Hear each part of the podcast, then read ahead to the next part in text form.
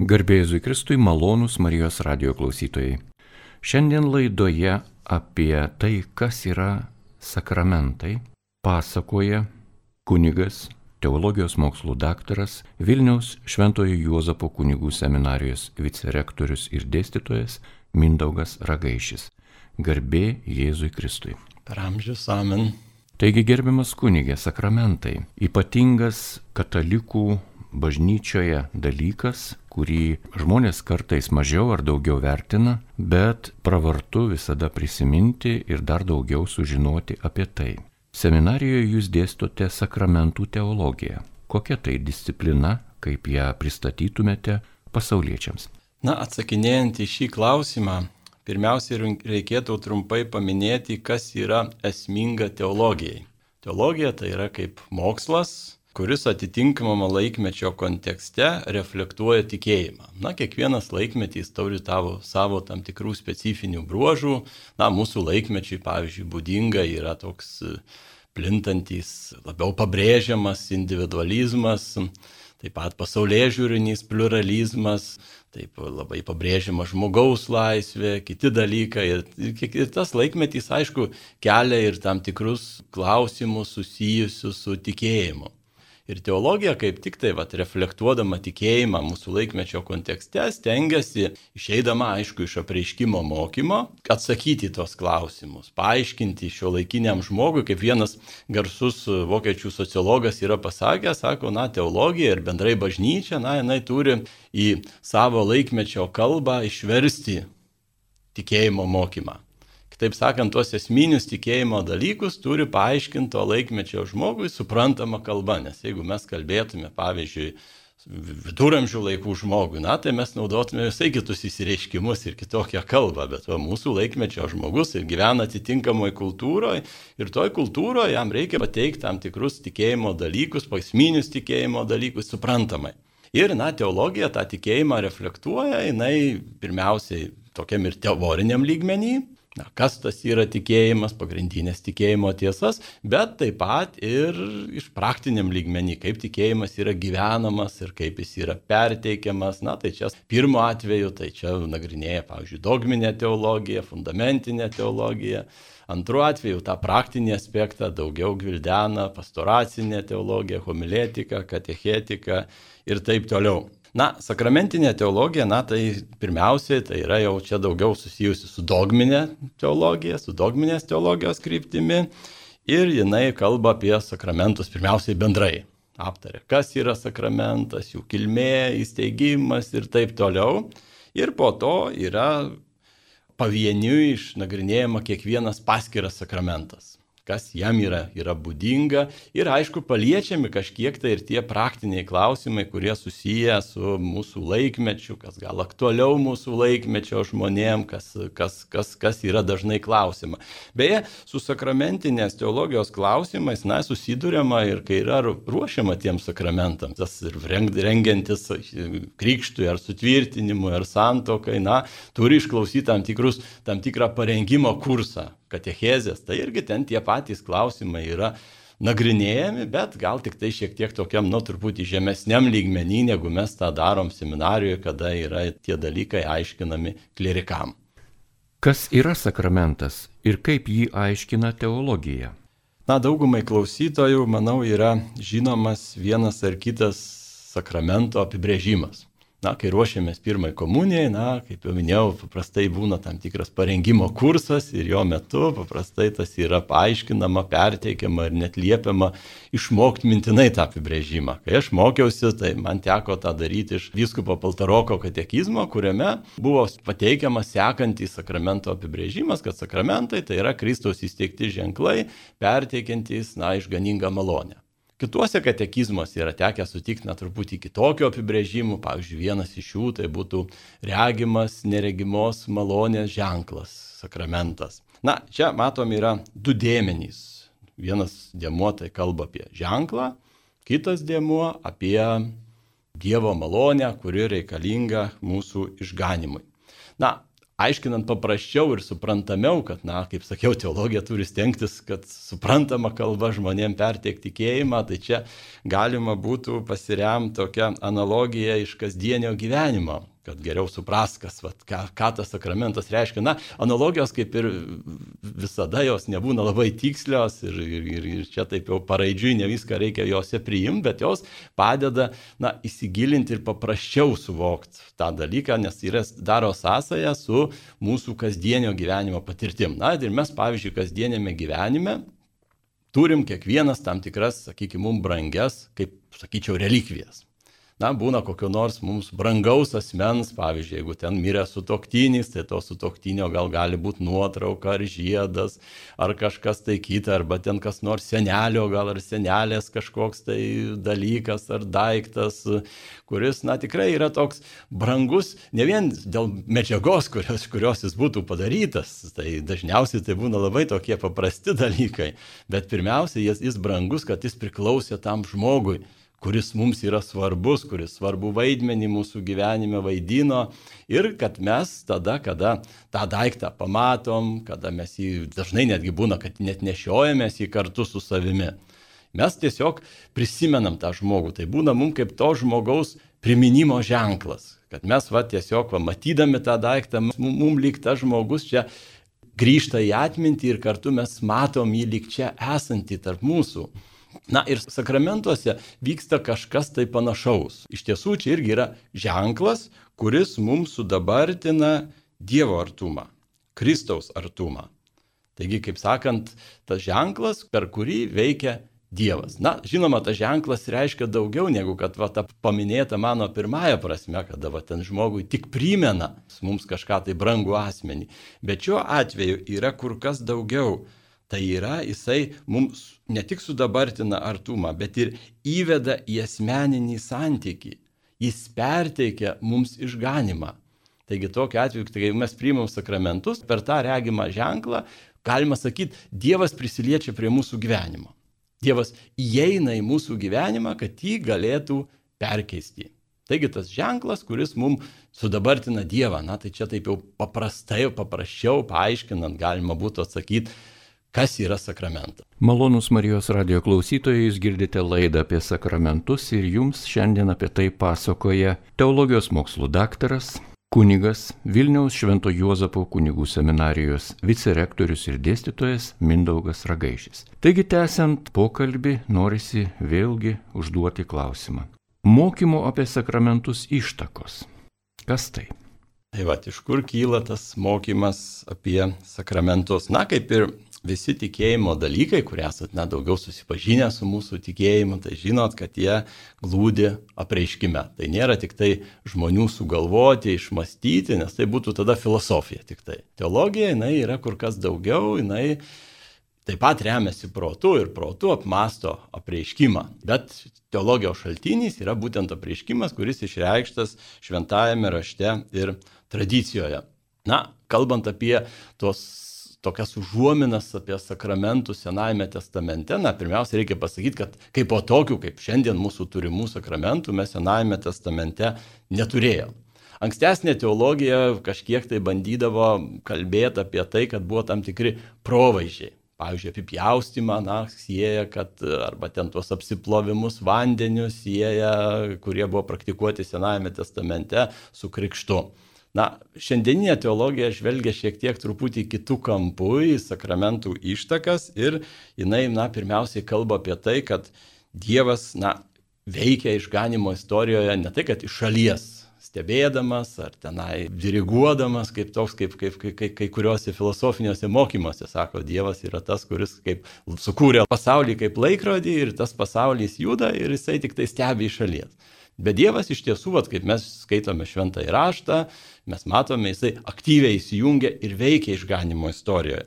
Ir veikia per tam tikrus įvykius pirmiausiai, per tam tikrus asmenis ir, na, sakykime, seno, senojo testamento tautai, tai toks va, esminis įvykis, kuris ir tautos buvo tikėjimo centras, tai buvo išeimas iš Egipto.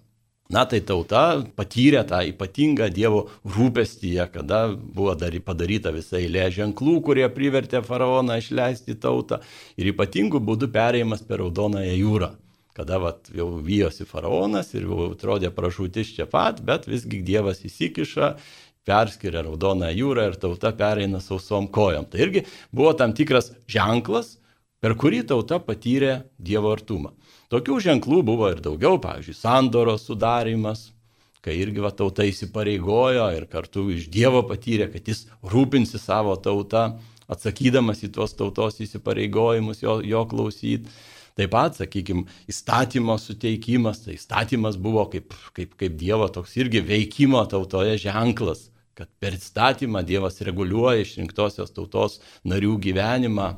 Taip pat, na, sakykime, yra nuo meto žmogui, taip pat pasaulis, kuris jį supa, irgi buvo Dievo veikimo ženklas, kad Dievas veikia, pirmiausiai sukūrė pasaulį, kad jis ir veikia tam, tik, tam tikruose pasaulio įvykiuose, kūrinijos įvykiuose, kad jisai nėra tas, kuris nusišalinęs, bet aktyviai tame dalyvauja.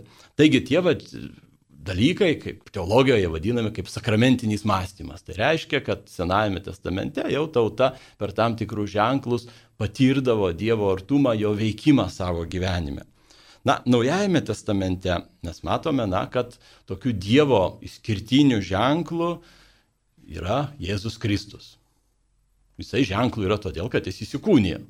Jis priemė žmogišką prigimtį, tapo matomas, regimas ir atitinkamai per jį, jį galima buvo kreipti, sutikti, bendrauti ir taip toliau ir iš jo gauti reikalingą malonę, ką vat jo amžininkai ir kartais darydavo, sakykim, prašydavo išgydyti, ar ten save, ar ten artimų žmonės, ar kažką tai kitą, tai per Kristų reiškėsi tas Dievo gailestingumas. Ypatingas Dievo veikimas. Taigi Kristus buvo tas ypatingas Dievo artumo ženklas ir, ir jis ir į teologiją vadina kaip pirminių sakramentų. Tai yra kaip toks, kaip vokiškoje teologijoje, už sakramentą, reiškia tas pirminis sakramentas, iš kurio, iš kurio visa kyla, tas pagrindas sakramentų, galima sakyti, visų sakramentų. Dievo sakramentu mes bendrai negalim vadinti, nes jis nėra mums matomas, regimas, jis nėra mums ženklas, bet Kristus, kadangi įsikūnijo, jis yra mums kaip pirminis sakramentas. Ir aišku, kada jisai gyveno žemėje, na, kurie norėjo, bent jau jo aplinkoje esantis, galėjo betarpiškai kreiptis ir gauti šio išganimų reikalingą malonę. Po įžengimo į dangų situacija pasikeitė. Jėzaus dabar mes mūsų žemės keliuose sutikti negalim. Ir tokiu atveju tas jo sakramentiškumas, kurį jisai turėjo, perėjo į bažnyčią. Dabar yra bažnyčia kaip tas išganimo sakramentas, kuriame mus, mes, mes randame išganingą malonę ir ta malonė mus pasiekia asmeniškai. Ir tačiau vėlgi čia teologija pabrėžia, kad kalbėdami apie bažnyčią kaip sakramentą turim nepamiršti, kad e, jinai yra tuo sakramentu analoginė prasme. Kristus yra tas tobulas Dievo ženklas, galima sakyti. Bažnyčia yra ženklas, nes na, mes irgi esam kaip, ne, ne, ne vien ta prasme, kad yra pastatas bažnyčia, bet e, daugiau ta prasme, kad yra tikinčiųjų bendruomenė. Tai yra regimas ženklas, tačiau ta tikinčių bendruomenė, na, ta, sakykime, jos, jos, jos veikimas yra ne iš savęs. Kaip kartais irgi ir teologija, ir ruošiant vaikus pirmai komuniją, kartais palyginama tas sakramentiškumo, kad yra taip Dievas, Kristus, Kristus yra kaip saulė, kuri teikia šviesą, o bažnyčia yra kaip menulis, kuris tą šviesą tik tai atspindi. Ne iš savęs teikia, bet tik tai atspindi. Ir bažnyčia, na, yra ir nuodėmės tam tikrų apraiškų, ko vat Kristuje mes nematom. Kaip suprasti, kad sakramentai Kristaus įsteigti, jei tais laikais nebuvo šio žodžio sakramentas? Na, nėra visai taip, kaip sakote. Na, iš tiesų, pats žodis sakramentas, na, jis yra latiniškas. Na ir jo savaime suprantama, mes nerasim nei aramėjų kalboj, kurioje kalbėjo Jėzus, nei hebrajų kalboje, kurią Jėzus mokėjo, nei graikų kalboje, kuria, yra, kuria buvo parašytas Naujasis testamentas. Tačiau tas žodis, na, jisai anuo metu lotynų kalboje jau buvo žinomas kad ir Jėzaus laikais jau buvo žinomas. Na, beje, ar Jėzus mokėjo lotynų kalbą, čia mūsų laikų teologai ir istorikai ginčijasi, kai kurie daro prielaidą, kad galėjo būti, kad bent jau kažkiek tai turėjo suprasti lotyniškai, nes buvo Palestina okupuota romėnų ir tai buvo vėlgi ta kalba, su kuria tekdavo susidurti kasdienybę ir tvarkant įvairius reikalus, kasdienius reikalus. Na, bet čia iš tiesų tokio galutinio atsakymo nėra. Bet kokiu atveju pats vat, žodis sakramentas, jisai į teologinę kalbą yra atėjęs šiek tiek vėliau, jau po biblinių laikotarpių. Ir pirmas jį įvedė, tai būtent Tertulionas, žinomas pirmųjų krikščionių autorius. Tertulionas, jisai gyveno antro amžiaus pabaigoje, trečio amžiaus pradžioj. Taigi gana ankstyvas autorius ir, na, jisai tą savoką sakramentas, kurio pirminė reikšmė tai buvo pirmiausiai kaip priesaika kad kareivis duodamas priesaiką, jisai vat, irgi tą vat, atlieka kaip sakramentą, galima sakyti. Tai čia kalbu aš jau pagoniškoje Romos, Romos imperijoje. Taip pat kita reikšmė, tas to žodžio sakramentas buvo susijusi su tam tikrų užstatų, kurį besiginčiančios pusės turėdavo palikti ir tada, jeigu kas pralaimėdavo tą ginčą, tai tas uh, užstatas pereidavo šventyklai. Tai va, tai irgi buvo vadinamas sakramentu. Ir Tertulionasgi šiuo žodžiu išvertė žodį slėpinys graikiškai būtų misterijon. Slėpinys, na, nu, mums kažkiek tai jisai turi sąskambį su misterija, mistika, panašiais dalykais, kas irgi yra atėję būtent iš to graikiško žodžio misterijon.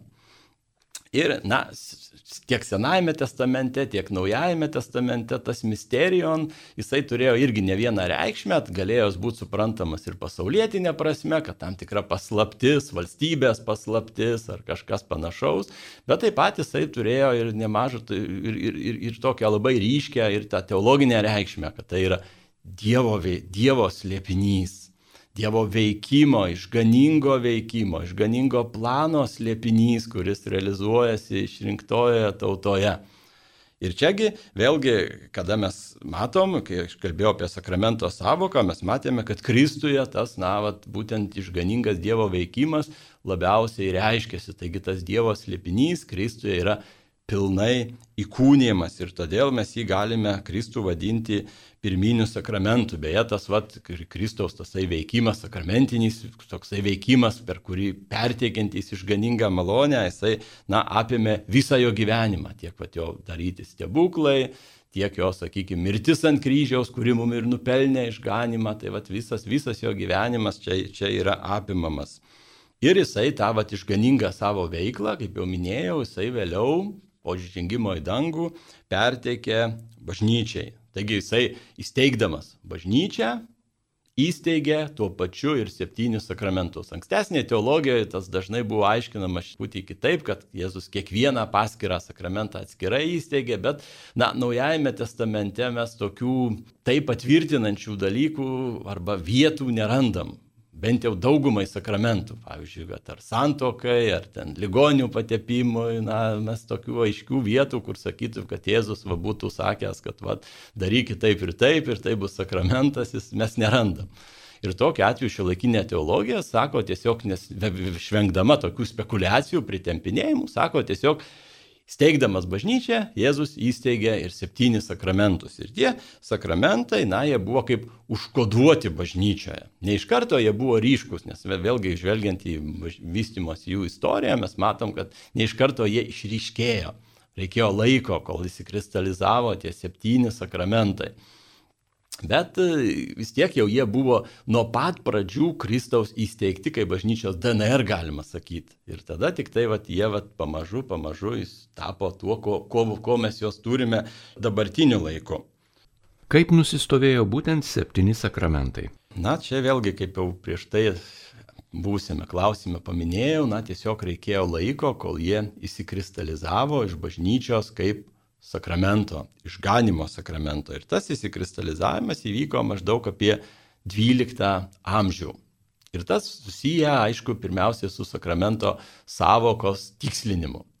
Na, pirminė tokia ir labiausiai paplitusią pirmaisiais krikščionijos amžiais sakramento savoką ar tokį apibrėžimą buvo pateikęs Šventasis Augustinas, kuris iš tiesų sakramentinėje teologijoje tikrai labai daug yra nuveikęs palikęs labai žymų pėdsaką. Ir jisai, pavyzdžiui, išvystė ten ženklo teoriją, dar ten kitus dalykus. Ir jisai, na, sakramentą apibrėžė kaip švento dalyko ženklas. Na, švento dalyko ženklas, tai tokiu atveju gali būti labai daugas. Pavyzdžiui, pasišlakstimas švestų vandeniu. Irgi yra švento dalyko ženklas.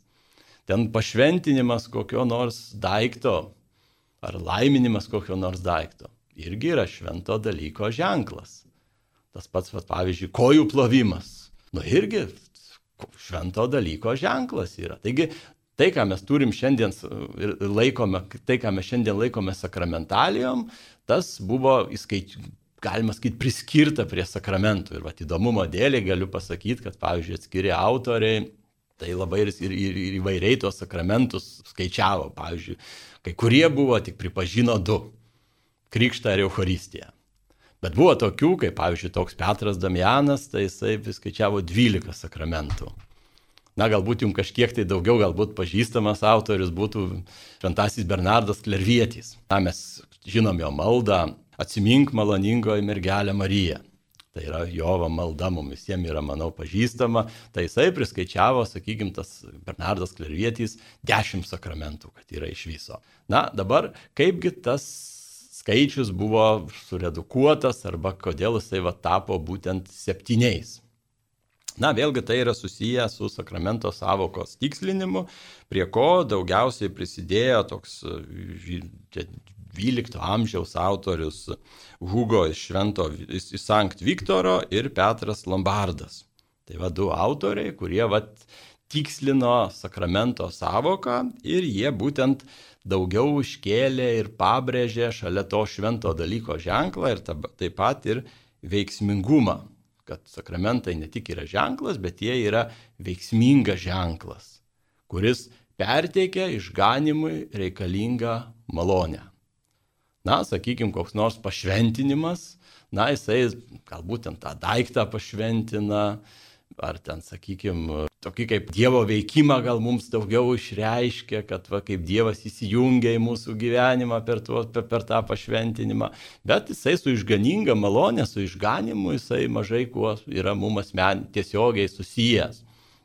O vad būtent tie vat septyni sakramentai, kuriuos mes šiandien turim, kaip tik tai va jie ir labiausiai susiję su būtent išganinga malonė, mūsų išganimui būtina malonė. Ir čia, vat, sakykime, dažnai būna šioje vietoje užduodamas klausimas, kodėl sako, kojų plovimas netapo sakramentu. Pas Jėzus plovė kojas ir sakė, mokiniams jūs irgi turite tą patį daryti. Ir kodėl dabar va, būtent jisai netapo sakramentu, čia vėlgi yra vėlgi klausimas, kokią išganingą malonę jis pateikia.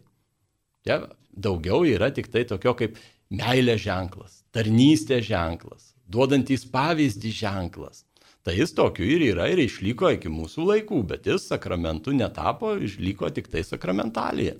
Taigi tai, tie visi dalykai, kurie vat, su, su išganinga malonė nebuvo taip tiesiogiai susiję, jie, vat, buvo, kaip sakant, perėjo į sakrament, sakramentalių lygmenį, o sakramentai susiformavo septyni. Ir jie užtvirtas, toks šis mokymas buvo užtvirtintas jau Florencijos susirinkime, kuris vyko 1439 metais. Taigi 15 amžiuje jau taip oficialiai bažnyčia tą užtvirtina, vėliau tą mokymą pakartojo ir 1547 metais Tridento susirinkimas. Taigi yra tai paskelbta kaip dogma, nešaukiamas tikėjimo, nešaukiama tikėjimo ištara. Taip pat Tridento susirinkimas jisai nustatė, kad sakramentai nėra lygus. Vienas kito atžvilgių nėra lygus. Yra taip vadinami sakramentą majorą ir sakramentą minorą. Tai didieji sakramentai ir mažieji sakramentai. Vėlgi čia tas didieji mažieji yra skirstoma pagal jų reikšmę mūsų išganimui. Taigi didieji sakramentai, manau, čia jau dauguma iš klausytojų galit nesunkiai atspėti, tai yra krikštas ir Euharistija, kurie, na, iš tiesų, vat, ir mus įveda krikštas į krikščionišką gyvenimą o Euharistija tą krikščionišką gyvenimą maitina ir plėtoja. Visi kiti sakramentai yra laikomi ties, tais mažaisiais sakramentais, jie yra svarbus ir reikšmingi. Čia tas nėra paneigiama, kad čia dabar va, tik priemi krikštą Euharistiją, daugiau nieko nereikia. Bet iš tiesų tai čia yra pabrėžiama tik tai tokius kaip, nu, tie, kas yra esmingiausia ir svarbiausia, ir tai, kas, na, kiti, kiti sakramentai, kurie svarbus, bet, na, taip jau tiesiogiai gal išganimui jie, vat, jas reikšmingi, tačiau nėra taip, kaip, vat, krikštas ir Euharistija. Kodėl sakramentuose svarbus regimi apčiuopiami ženklai? Na, čia geras klausimas. Na, iš tiesų, reikia pasakyti, kad jeigu Dievas savo malonę mums perteikia, gali ją perteikti įvairiausių būdų. Gali ir be to regimo ženklo, ką jis kartais irgi mums suteikia. Ir, ir, ir, ir kartais tikrai mes galbūt ir nenuėję iš pažinties, galbūt jeigu tik apgailim savo lengvas nuodėmės, galim gauti jo nuodėmio atleidimą. Tie regimi ženklai Dievui, na, nėra būtini.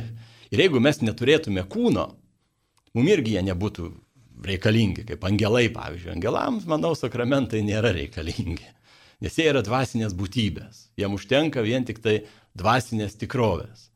Mesgi esame būtybės, kurios turi ne tik tai dvasinę sielą, bet taip pat ir materialų kūną. Ir dėl to mums yra svarbu, kad, sakykime, kai kalbam apie išganimą, ir tas vat, ženklas, ženklas, kuris, na, jisai parodo, kad vat, veikia Dievas, kad tikrai Dievas veikia ir tikrai mums suteikia išganimui reikalingus dalykus. Beje, čia reikia truputį tik tai patikslinti, kad pati išganinga malonė kyla ne iš ženklo kaip po tokio. Pats ženklas tos malonės nesukuria. Sakramentai nėra magija. Nes jeigu magijoje tai yra suvokiama taip, kad jeigu turi amuletą ar kažką tai, tai jisai pats į savęs jau ten užtikrina ten apsaugą ar kažką tai kitą. Tai nėra krikščioniškas mokymas, tai yra pagoniškas mokymas. Pagal krikščionių mokymą sakramentai jie, jų malonė kyla ne iš paties ženklo, ženklas jos nesukuria, bet kaip jau Tomas Akvinėtys savo laiku yra aiškiai pabrėžęs, kad sakramentų malonė kyla iš Dievo. Dievas ją teikia. Bet jisai teikia per ženklą, kuris, arba tam tikrą, na, sakykime, kokį nors, sakykime, gal tiksliau būtų tą regimą ženklą, kuris yra kaip taip vadinama instrumentinė malonė, kaip antrinė priežastis, per kurią Dievas mums tas malonės perteikia. Taigi čia yra tikrai vat, svarbu tą suvokti, kad jeigu kad įvyktų sakramentas, na, užtenka, kad būtų, taip vadinama, materija ir forma. Ir kad yra tas materijas, kiekvienas sakramentas turi materialų ženklą, forma tai yra tai ją apsprendžiantys tam tikri žodžiai ar, ar, ar, ar, ar gestai. Tai va, tai čia, kad įvyktų sakramentas, vien to užtenka. Bet tačiau at priežastis malonės būtent yra pats Dievas. Ir beje, vat, kai kalbam apie vat, sakramentų tą veikimą, kad, kad malonė kyla iš Dievo, tai čia irgi vat, šiek tiek korektūrą įneša į dažnai vat, mūsų turimą supratimą, kad na, sakramento veiksmingumas priklauso nuo kunigo šventumo. Kad jeigu kuo kunigas šventesnis, tai tuo sakramentas bus veiksmingesnis. Iš tiesų, sakramentinė malonė būtent yra Dievo darbas. Kunigas yra tik kaip ta antrinė priežastis, e, kaip instrumentas, per kurį veikia Dievas. Ir todėl čia svarbiausia yra, kada einame sakramentų, pirmiausiai pasitikėti Dievu, jo veikimu. Aišku, turi būti, kad įvyktų sakramentas ir tas ženklas tinkamai atliktas, kad turi būti vienoje vietoje ir materija, ir forma, jos turi saveikauti. Kaip per sakramentų šventimą išgyventi dvasinę tikrovę? Kas tam gali pagelbėti? Na, praktiškas klausimas. Dvasinės tikrovės veikimas, kaip jau minėjau aukščiau, na, jisai užtikrinamas regimo ženklo, kada yra materija ir forma ir kada ja, tas sakramentą teikiantis kunigas turi tą intenciją atlikti tai, ką moko ir, ir kas yra susijęs su sakramentų teikimu mokoma bažnyčios. Va tai, kas yra reikalinga intencija ir kartu va ties materija ir forma. Ir čia tokiu atveju dvasinė tikrovė, kaip sakiau, kyla pirmiausiai iš paties Dievo.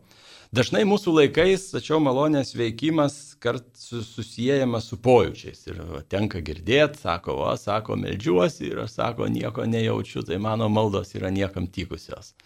Arba sako, priemiau komuniją, tuščia, sako, širdį nieko, nu tikrai gal, gal Kristus netėjo pas mane ir aš neišgyvenau to kažko tai.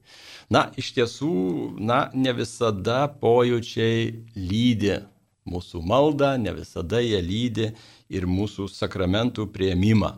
kiek ta dieviška malonė mus palies, ne, ne priklauso ne nuo to, ką mes tuo metu jaučiam. Nes būna, pavyzdžiui, dvasiniam gyvenime ir tam tikros sausros. Yra, sakykime, žmogus, jisai, va, kad ir meldžiasi, ir atlieka tai, kas reikalinga, bet jis išgyvena dvasinę sausrą ir tų dvasinių pagodų neturi.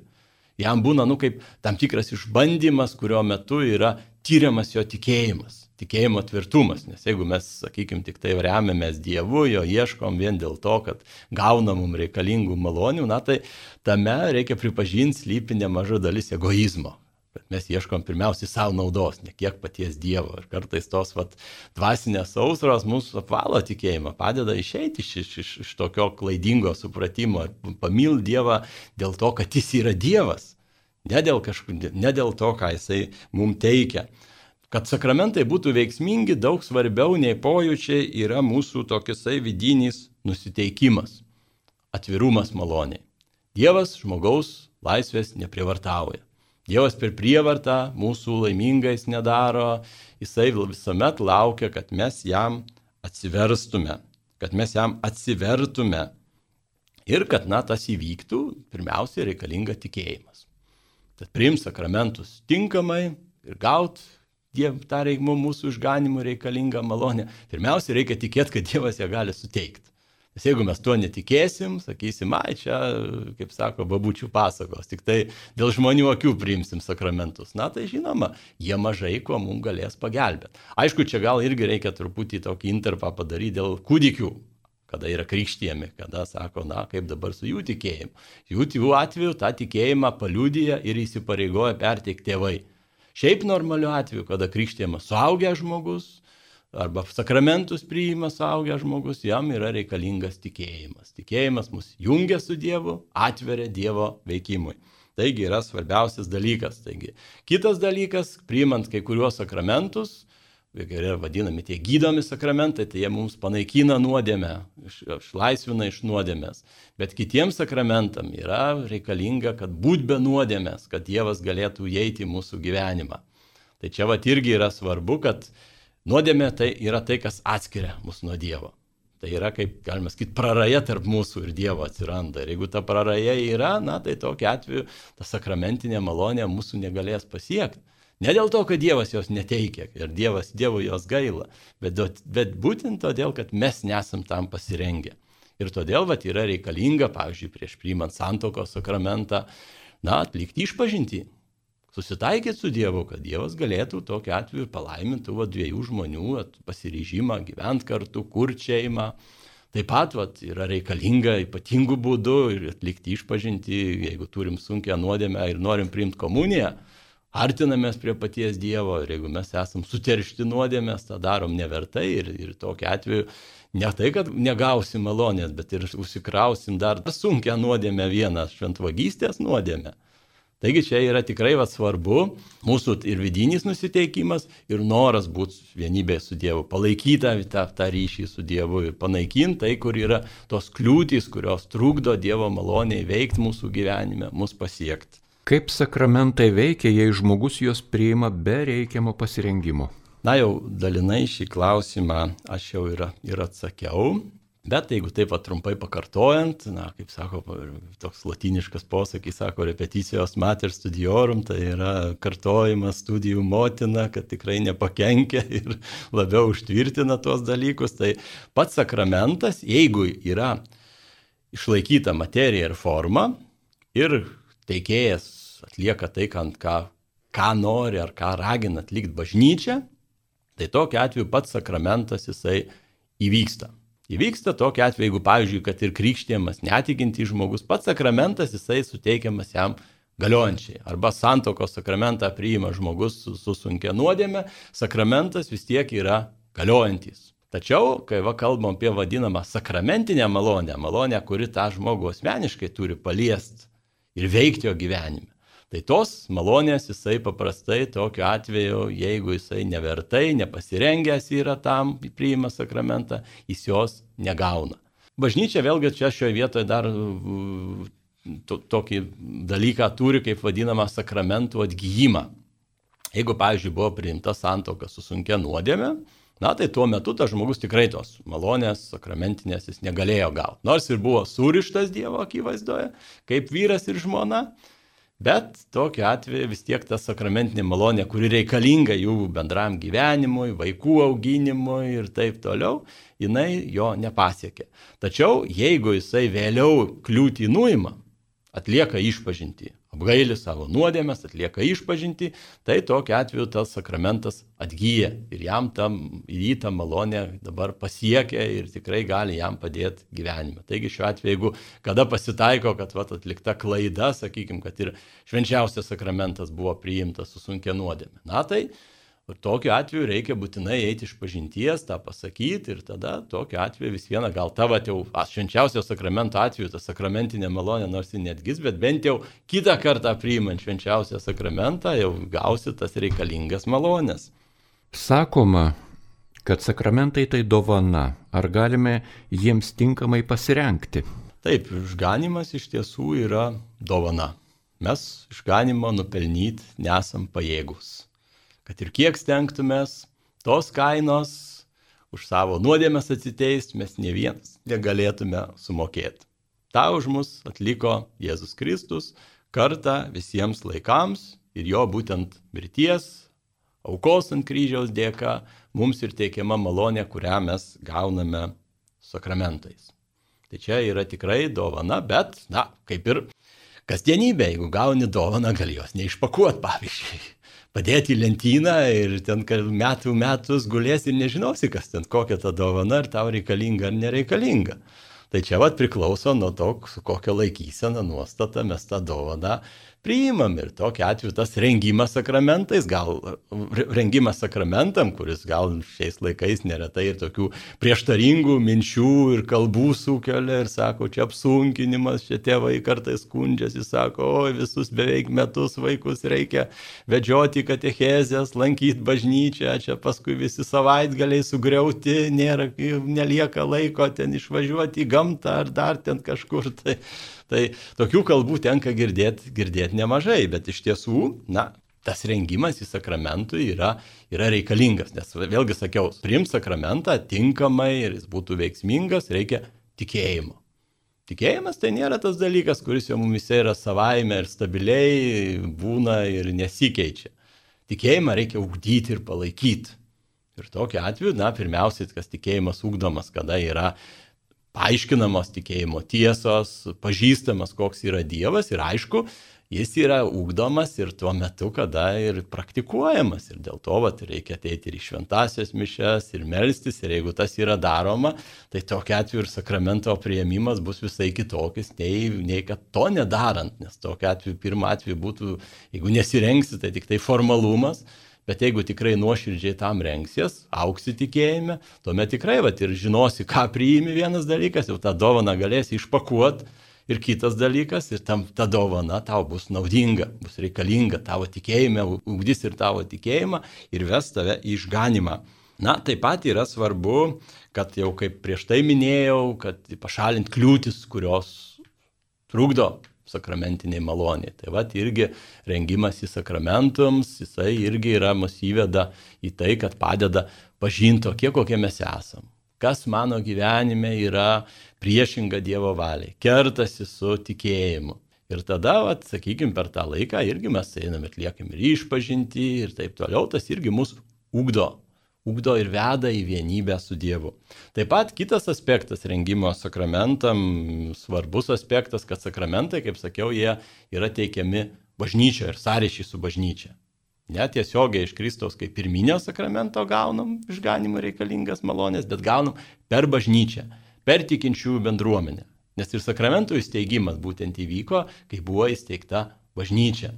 Ir todėl reikalinga įaukti bažnyčios gyvenimą. Ir dėl to rengiant sakramentam ir šiais laikais ir raginama ir netgi kartais net beveik verčiama, kad va ir ateitų sekmadieniais į šventasias mišes, ten, ar ten dalyvautų kokio jaunimo grupelė ir kažkur tai kitur, kad nu tikrai turėtų realų sąlytį su bažnyčia. Ne tik tai, kad matytų bažnyčią kaip pastatą, kad va yra pastatas, kuriame susirenka melstis, bet patirtų bažnyčią kaip bendruomenę ir paskui to bendruomenė išvestų sakramentus, kuriem jie rengiasi.